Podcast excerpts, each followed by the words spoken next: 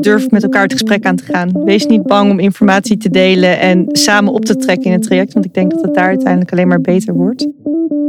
Heel veel zaken die worden gestart bij de ondernemingskamer worden alsnog geschikt. Dan komt er alsnog een onderhandeling op gang. Want heel veel zaken die worden aangebracht, maar een heel, heel klein deel daarvan, daar komt uiteindelijk een uitspraak in. Dus bij deze werkgevers, betrek de OR tijdig in je eigen belang. Welkom bij de Wijn en Staal podcast. Hierin bespreken we belangrijke juridische trends, ontwikkelingen en thema's. Kortom, jouw podcast om bij te blijven. Hallo allemaal, welkom bij weer, uh, alweer de zesde podcast van Wijn en Staal. Mijn naam is Maaike Faber, ik ben arbeidsrechtadvocaat bij Wijn en Staal Advocaten. En vandaag heb ik twee gasten in de studio. Mijn welgewaardeerde collega Carlijn van der Heijden, die hier al eerder is geweest. En uh, Nienke de Bruin van Links. Welkom uh, dames, leuk dat jullie er zijn. Dankjewel, leuk om hier te zijn. We gaan het vandaag hebben over uh, de ondernemingsraad. En over eigenlijk hoe ziet het ideale adviestraject eruit? Wat, wat, nou ja, hoe pak je dat aan? Zowel vanuit de ondernemingsraad als vanuit de ondernemer.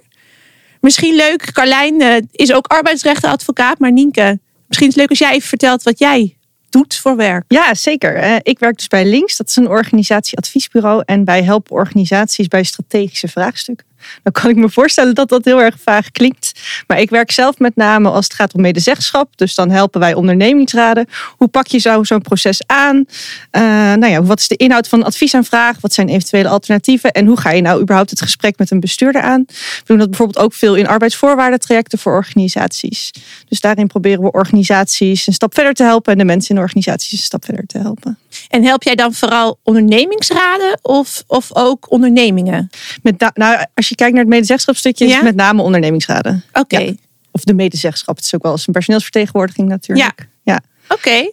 Maar je staat in andere uh, situaties juist ook vaak weer werkgevers of werkgeversverenigingen bij. Ja, dus je kent klopt. het andere ja, perspectief. Dus ik ken zit in alle van de zweep. Precies, ik zit in alle perspectieven. Maar ik probeer overal wat ik zelf heel erg belangrijk vind om dat medewerkersperspectief wel goed mee te nemen. Dus ook als je een werkgever bijstaat, ja, is natuurlijk de positie van zo'n medewerker daarin heel erg belangrijk. En Carlijn, wat voor, welk, welk kant van de medaille sta jij vaak bij? Ja, beide eigenlijk wel. Ik ken Nienke toevallig uit een traject waar we allebei een ondernemingsraad uh, bij stonden. Zij als ja. organisatieadviseur en ik als uh, uh, arbeidsrechtadvocaat van die ondernemingsraad. Dus daar konden we mooi samen optrekken. maar in OR-trajecten nou, staan wij ook wel werkgevers bij. Of adviseren we op de achtergrond hoe ze bepaalde dingen kunnen aanpakken. Dus echt beide perspectieven, ja. Oké, okay, leuk. Nou, dan hebben we, kunnen we het een beetje van, van twee kanten belichten, denk ik. Misschien kan ik het nog wel van een derde kant belichten. Want ik ben zelf heel toevallig voorzitter van de OR van ons kantoor. Dus uh, misschien tetter ik er ook een beetje tussendoor uh, vanuit dat perspectief. Ja, laten we beginnen bij uh, Nienke. Wanneer word jij betrokken bij een uh, adviestraject of een, of een, een medezeggenschapstraject? Ja, Meestal is dat op het moment dat er een adviesaanvraag is binnengekomen. Dus dan heeft de ondernemingsraad bijvoorbeeld bij een reorganisatie een adviesaanvraag binnengekomen. En hebben ze extra expertise nodig. Dus iemand die meeleest, tegenleest of helpt in hoe je zo'n proces daarin, uh, daarin aanpakt. Ideaal gezien hebben we het liever iets anders, maar dat is meestal het, het punt dat we. Wat zou je ideaal hebben dan? Nou, eigenlijk wil je al uh, voordat er een adviesaanvraag binnenkomt aan de slag met een adviesaanvraag. En wil je daar dus ook samen met de bestuurder en ondernemingsraad in optrekken. In plaats van dat het zo partijen zijn die tegenover elkaar uh, staan om iets te vinden. En gebeurt dat in jouw optiek vaak? Dat het in dat voortraject dat er al echt wordt samengewerkt? Nee, te weinig denk ik. Ik denk dat dat meer zou kunnen en dat dat uiteindelijk ook voor iedereen het een heel stuk makkelijker zou maken als dat uh, wel gaat gebeuren. Maar dat is heel spannend. Ja, nou, eigenlijk uh, moet het natuurlijk ook dat een, een, een, uh, een adviesaanvraag kan eigenlijk niet uit de lucht komen nee, vallen. Dat klopt. Ja. Uh, en moet in een overlegvergadering moet de ondernemer al melden dat er een adviesplichtig besluit wordt voorbereid. Omdat je dan ook juist afspraken kunt maken over hoe je dat adviestraject gaat vormgeven. Hè? Wanneer de OR de adviesaanvraag kan verwachten, welke, welke informatie de OR dan krijgt, zodat de OR zich daar uh, goed op kan voorbereiden. Zeker, nee, en dat is natuurlijk zeker ook je artikel 24 overleggen. Ja, zeker als er een reorganisatie bijvoorbeeld aankomt, ja, dan moet je dat eigenlijk al wel zien aankomen en ook al besproken hebben. Maar helaas is dat toch in veel gevallen niet. Uh, maar zeggen ze in mijn ervaring Nee. Niet als eh, voorzitter van de, onze eigen OR, moet ik even zeggen, maar vanuit mijn ervaring als advocaat. Vooral bij adviestrajecten komt zo'n adviesaanvraag toch meestal wel behoorlijk uit de lucht vallen. Ja, Ja. klopt. Ja. Ja. En wat ik zelf ook wel, als ik ondernemers bijsta of werkgevers, probeer ik ze ook juist altijd meer richting ehm, nou ja, eerdere communicatie te duwen. Van maak die mensen nou een gesprekspartner in Ja. plaats van een nou ja, tegenstander bijna. Zeker, Dat ja. vergroot ook het draagvlak. En dan kun je, en wat, wat ik ook wel eens heb gezien, is dat dan komt er een adviesaanvraag binnen voor iets wat totaal uit de lucht komt van een reorganisatie of, of, of een deal van de verkoop van een of het verkoop van een deel van de onderneming. En dan zeggen ze, ja, we willen graag eh, volgende week een overlegvergadering en dan over twee weken jullie advies ontvangen. Ja. En dan Ja. worden ze ook een beetje pissig als dat dan niet gebeurt. Dus het, het, zou, het is voor iedereen beter. Zeker. Ja. En je weet van tevoren waar je aan toe bent. Je kunt bijvoorbeeld als ondernemingsraad ook een aantal criteria van tevoren neerzetten. Van dit zijn een aantal zaken die wij belangrijk vinden. Bijvoorbeeld het behoud van mensen. Of eh, als er verplaatsing is in een fabriek of een lijn. eh, nou ja, dan zijn, eh, dan zijn deze criteria voor ons belangrijk. En dan kun je daar veel meer samen in optrekken. En dan gaat het proces denk ik ook veel sneller dan dat je... ja. je moet houden aan de termijnen. En waarom gebeurt het niet? ik, ik denk dat ondernemers soms heel zakelijk denken. Het en misschien iets te veel als een formaliteit zien. eh, eh, maar dan wel onderschatten. ehm, nou, wat het voordeel kan zijn van daadwerkelijk eh, tijdig het overleg aangaan met OR. Het is niet per se dat ik dit zeg vanuit OR-perspectief, maar echt ook juist vanuit werkgeversperspectief. Denk ik ja, dat werkgevers zich gewoon niet altijd realiseren dat het uiteindelijk juist sneller kan werken als je dat overleg tijdig opstart. Eh, en de, de OR zich dus echt als serieus gesprekpartner voelt. Ja, dus bij deze werkgevers betrek de OR tijdig. Ja, en, en, durf, en het ook te doen. Het is Ja. heel spannend, maar uiteindelijk wordt het beter. Ik geloof Ja. er heel erg in dat het betere beslissingen oplevert. Want uiteindelijk moeten de medewerkers in jouw organisatie ook iets doen met, de, met het besluit dat je Ja. neemt. Dus je hebt ze gewoon nodig. Dus gebruik die OR ook en die stem van de medewerker die daar dus ook in zit. En zien jullie wel eens dat een OR gewoon helemaal niet betrokken wordt bij een nou ja, besluit waar dat wel zou moeten? En wat, wat gebeurt er dan? Ehm, ja, dat is lastig, want dan kom ik meestal niet in beeld als dat zo is. Dus dat, Goed punt. Dus dat, weet, ik- dat weet ik eigenlijk niet Ja. zo heel erg goed. Nee, Maar dat, dat zal vast zo zijn. Ja. Nee, een, een beetje hetzelfde natuurlijk. Want een OR belt ons eigenlijk als er een adviesaanvraag wordt gedaan. Maar er zijn natuurlijk wel eh, situaties dat een OR ten onrechte niet eh, om advies wordt gevraagd. Ja, en dan kan de OR wel naar de rechter.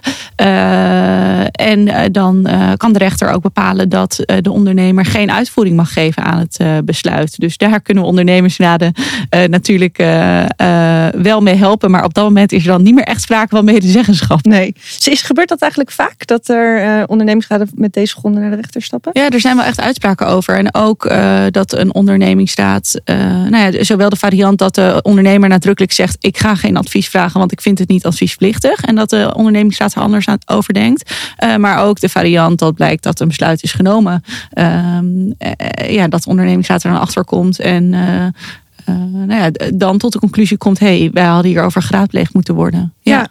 En dan kun je als OR best wel nou ja, dwars liggen. Want dan kun je ook Ja. gewoon de rechter vragen om de ondernemer te dwingen om te stoppen met het uitvoeren van Ja. het besluit. Ja, dat is best een risico ook Ja. voor de ondernemer. Dus eh, ja. ik zou dat altijd goed laten checken. Bij twijfel echt zeker laten checken. Ja. Ja. En je strategie daarop aanpassen. Want eh, je neemt een behoorlijk risico. Ja, ja en hier, zit, hier zie je natuurlijk ook heel goed het spanning tussen hetgeen wat de wet zegt en ook eh, de relatie met de bestuurder die je in je ondernemingsraad zelf hebt. Of in je onderneming moet ik eigenlijk zeggen.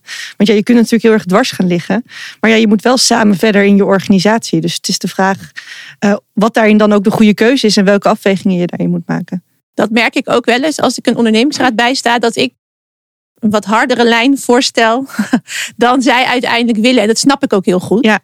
Ehm, omdat zij ook meer op de relatie zitten en denken, ja, maar er, er komt nog meer. En Ja. dit is niet het enige wat we samen moeten doen. Ja.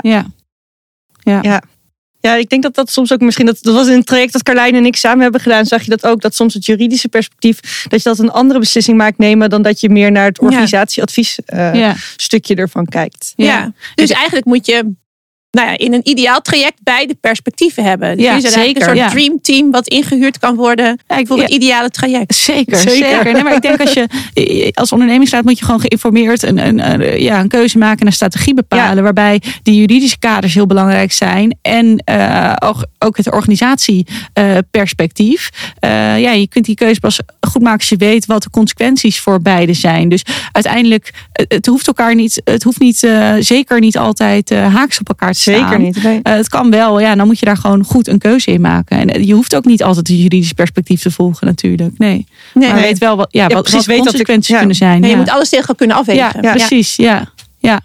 Hey, en in de situatie dat er wel gewoon advies wordt gevraagd of, of een instemmingsverzoek, hoe ziet zo'n traject er dan uit? Vanuit, of het ideale traject vanuit, nou ja, vooral jouw perspectief, eh eh, Nienke. Ja, ik denk dat altijd de eerste hele belangrijke stap is, is de juiste informatie ophalen. Veel adviesaanvragen die ik voorbij zien komen, krijg ik nog eh, drie A4'tjes aan vragen dat ik denk van oké, ik heb echt niet de juiste informatie voor me. En wat ik denk dat als, als ondernemingsraad heel belangrijk is om je te realiseren, is dat je er bent voor het medewerkersbelang, maar zeker ook voor het organisatiebelang. En die constant, als je je vragen stelt, eh, die bij elkaar af te wegen en die ook samen mee te nemen. Dus stap 1 is altijd eerst zorg dat je alle feiten kent. Ja, want dat is nog wel goed om even te benadrukken. De ondernemingsraad is niet een soort van werknemersorgaan wat alleen maar de belangen van de werknemer Zeker niet. voor Zeker ogen niet. dient te hebben. Nee, het gaat uiteindelijk ook heel erg om de toekomstbestendigheid van een organisatie. Ja. Daardoor kan het dus ook voorkomen dat je als eh, ondernemingsraad ja zegt tegen een reorganisatie, omdat je weet dat het nodig is om de organisatie eh, te laten bestaan ook nog over een jaar of tien. Dus dat, eh, ja, zeker. Ja, ik denk ook wat Nienke zegt, inderdaad heel belangrijk dat je die informatie vergaart die je nodig hebt. Want de ondernemer moet bij het doen van de adviesaanvraag natuurlijk wel bepaalde eh, informatie eh, verstrekken. De, de beweegredenen van het besluit, de gevolgen voor het personeel en dergelijke. Maar eh, voor de HR is er vaak nog zoveel meer van belang om goed advies te kunnen geven.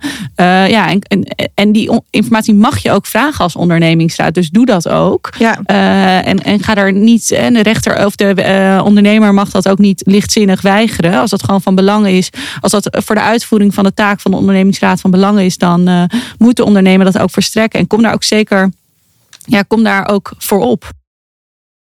Ga, hoe gaat dat in de praktijk? Volgens jou, Nienke?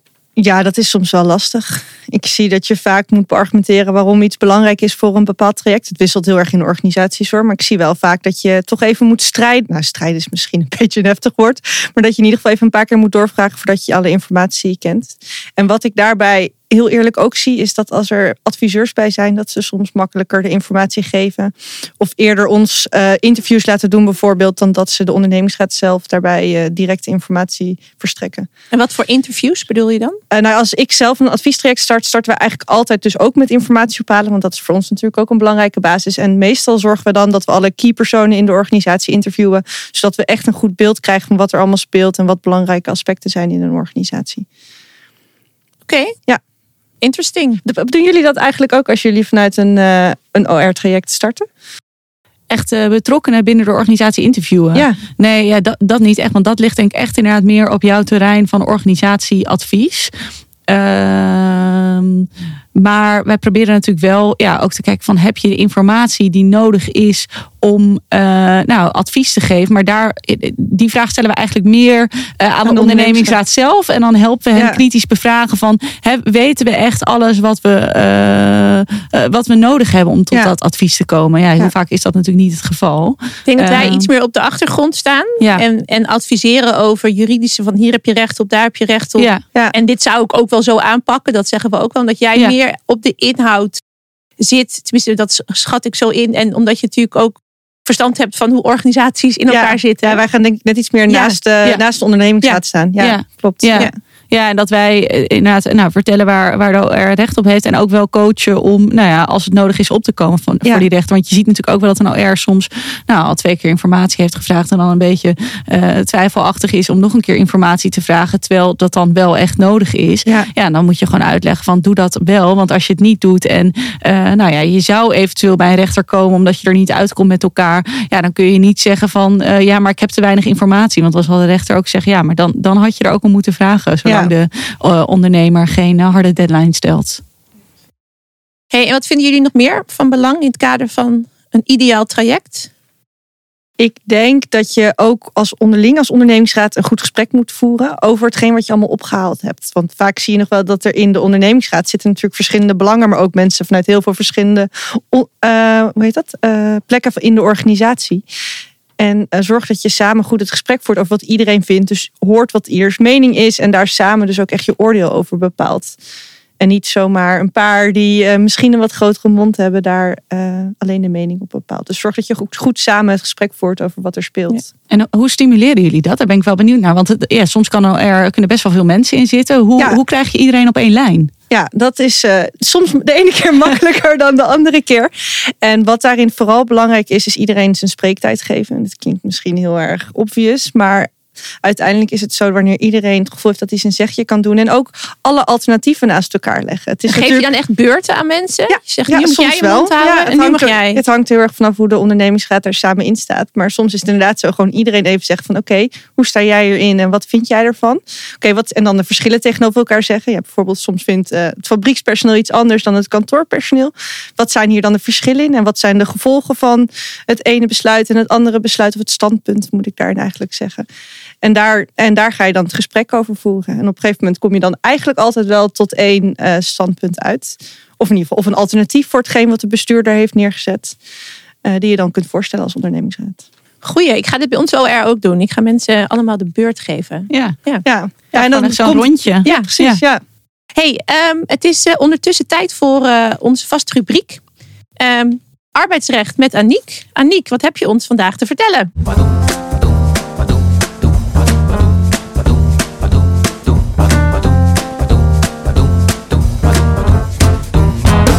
Welkom bij de rubriek Arbeidsrecht met Aniek. Vandaag ga ik met jullie het hebben over besluitvorming binnen een concern. Als een moedervennootschap besluiten neemt, kan de ondernemingsraad van een dochtervennootschap onder omstandigheden ook een adviesrecht hebben. Dit kan door middel van mede-ondernemerschap en toerekening. Nou, bij mede-ondernemerschap gaat het om een voorgenomen besluit van de moedervennootschap dat rechtstreeks ingrijpt in de onderneming van de dochtervennootschap. De moedervennootschap schap kwalificeert dan als mede-ondernemer en is dan verantwoordelijk voor een zorgvuldige besluitvorming. Dat betekent ook dat de moedervennootschap kan worden aangesproken op het tijdig verstrekken van een adviesaanvraag aan de OR van de dochtervennootschap. Nou, toerekening, dat lijkt enigszins op mede-ondernemerschap. Ehm, het gaat dan ook wederom om een voorgenomen besluit dat rechtstreeks ingrijpt op de onderneming van de dochter. En de bestuurder van de dochtervennootschap is op een bepaalde manier betrokken bij de door de moeder geïnitieerde besluitvorming. Dat kan bijvoorbeeld het geval zijn als een bestuurder van de dochter ook een rol heeft binnen de moedervennootschap. Kortom, het is dus essentieel om te kijken bij een voorgenomen besluit wie geraakt wordt binnen het concern.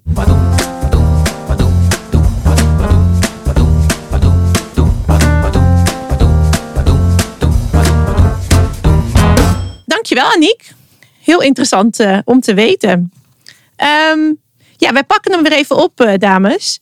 Eh, we hadden net al besproken hoe het ideale traject er een beetje uitziet. En dan ga je uiteindelijk, gaat, gaat de ondernemingsraad gaat adviseren. Ja. Wat, hoe ziet Mhm. dat eruit en waar, waar, waar letten jullie dan op? Ja. Ja, vaak denken ondernemingsraden dat ze ja of nee moeten zeggen als ze adviseren. Maar eigenlijk zegt de wet daar helemaal niks over.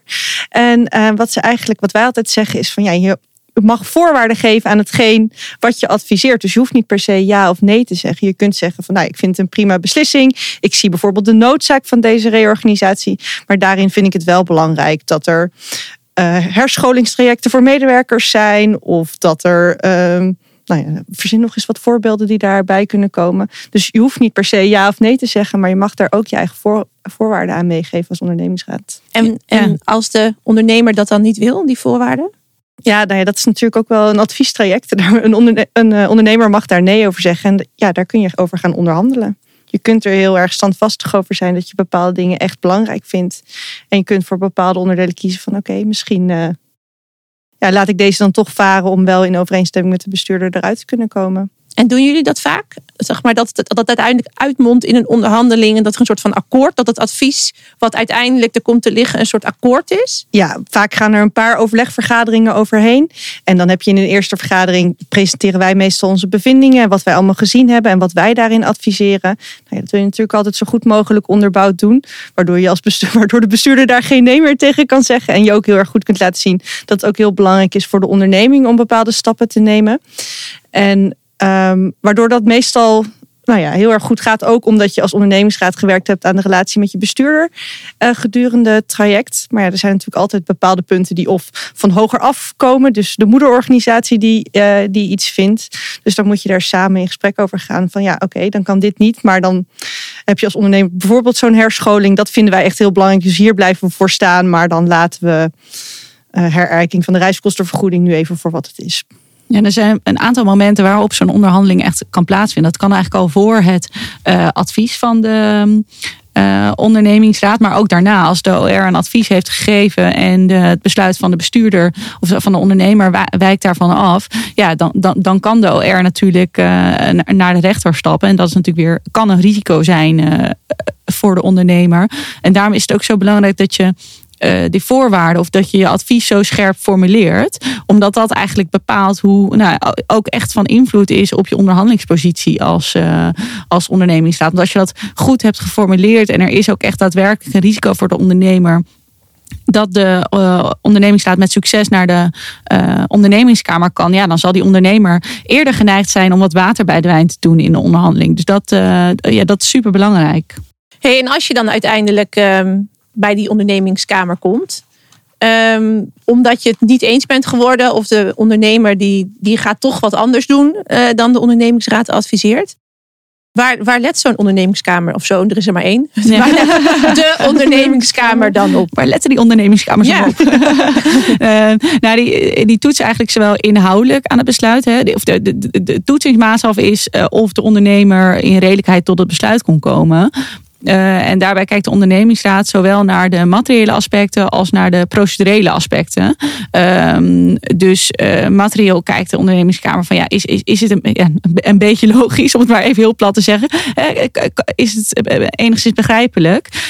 maar ik denk wat in de praktijk veel nuttiger voor de OR is, zijn die procedurele voorschriften. Dus heeft de uh, ondernemer uh, wel die informatie verschaft waar de OR om vroeg? Uh, is de OR wel tijdig geraadpleegd? Of was er eigenlijk al een besluit genomen? Ik denk dat je daar als OR veel meer mee kan. Maar overigens is het ook wel zo dat heel veel zaken die worden gestart bij de ondernemingskamer worden alsnog geschikt. Dan komt er alsnog een onderhandeling op gang. Want heel veel zaken die worden aangebracht, maar een heel, heel klein deel daarvan, daar komt uiteindelijk een uitspraak in. Ja, echt maar tien of zo, toch? Ja, echt, echt een heel, heel klein percentage. Ja. ja, dus weet ook dat... De dat is best positief. Dan werkt het systeem best goed, zou je zeggen, ja, toch? Maar het kan dus ook voor de ondernemingsstaat echt een, goede, een goed drukmiddel zijn. Ja, het, het, het, het is vaak een hele stap om dat uh, te doen. Maar weet dat het niet altijd tot een uitspraak hoeft te komen. In heel veel gevallen niet zelfs. Je komt er natuurlijk altijd liever samen uit dan dat, ja. uh, dat je ja, daar een ja. rechter voor nodig hebt die daar iets van vindt. Ja. Ja. ja, dat is wel goed om te zien dat dat in de praktijk eigenlijk ook vaak zo wel werkt. Oké. Okay. En zijn jullie zelf wel eens, nou ja, is het wel eens helemaal de pan uitgeëscaleerd en dat jullie uiteindelijk bij de ondernemingskamer uit zijn gekomen? Nee, ik heb het nog geen één keer meegemaakt dat het uh, zover is gekomen. Ah, dan heb je je werk goed gedaan. Precies, uh, dat zou in mijn werk ook niet heel goed zijn, maar dat uh, nee. Ah, ik help graag hoor, als het komt. En jij, Carlijn? Nee, ik ook niet. Nee, ja, nee ik ook niet. Nee. Eeuwig zonde. Ja. Misschien moeten we het een keer helemaal laten escaleren. Gewoon om het te proberen. dus als er een ondernemingsraad is die dit hoort en die uh, wil vrijwillig aanmeldt. Kom maar door. Het lijkt ons leuk. hey, um, we zijn er weer bijna door de tijd heen. Hebben jullie nog afsluitende tips en tricks, zowel voor ondernemers als voor ondernemingsraden, die jullie nog mee willen geven? Nou, ik krijg het, nou, de twee dingen die ik al best wel heb benadrukt. Uh, ten eerste zorg dat je echt opkomt voor je informatierecht. Uh, en dat je voldoende informatie boven tafel krijgt. En ten tweede, zorg dat je advies juridisch gedegen is opgesteld. Want je kan zomaar in een situatie komen dat de ondernemingskamer aan gaat toetsen. of dat je die dreiging nodig hebt om een goede onderhandelingspositie te creëren. Oké. Okay. Ja, en voor mij is het durf met elkaar het gesprek aan te gaan. Wees niet bang om informatie te delen en samen op te trekken in het traject. Want ik denk dat het daar uiteindelijk alleen maar beter wordt. En aan de ondernemers zorg dat je in je adviesaanvraag ook iets meeneemt over de transformatie van je organisatie. Want uh, die kom ik heel weinig tegen. Van welke stappen zijn er nou nodig straks om daadwerkelijk ook bijvoorbeeld je reorganisatie door te voeren. Maar hoe bedoel je dat precies? Wat voor, wat voor transformatie? Want Nou ja, wat je welk element mis je dan? Wat je ziet is dat een reorganisatie vaak moeilijker is voor de mensen die achterblijven in de organisatie. En vaak moet er dus ook iets wijzigen, bijvoorbeeld de werkwijze en dat soort zaken. En eh, daar wordt vaak niks over gezegd in advies Oh. Dus het gaat wel over de nut en het doel van de reorganisatie. Maar welke organisatie blijft dan achter en welke veranderingen gaan er plaatsvinden? Hoe ga je bijvoorbeeld leidinggevenden ondersteunen om eh, met hun nieuwe team straks aan de slag te gaan? Wat moet daarin veranderen? Zijn daar nieuwe mensen nodig? Gaan er mensen naar andere plekken in de organisatie? Hoe ga je daarmee om? Dus veel meer die softe kant van de organisatieverandering die nog na je reorganisatie of organisatiewijziging komt. Die eh, is heel belangrijk om ook aandacht aan te besteden als ondernemingsraad, maar ook zeker als ondernemer. Oké, dankjewel. Ik, ja, ik kijk met grote ogen. Ik, ik leer hier ook weer heel veel van. Dankjewel. Ehm dat was het alweer. Leuk! Heel erg veel dank voor jullie komst. Ik vond het een leuke podcast. Ehm, en aan alle luisteraars, eh, dank jullie wel voor het luisteren. En tot eh, de volgende keer. Dit was een podcast van Wijnen Staaladvocaten. Wil je meer informatie over ons kantoor of wat wij voor jou kunnen betekenen? Bezoek dan onze website wijnenstaal.nl.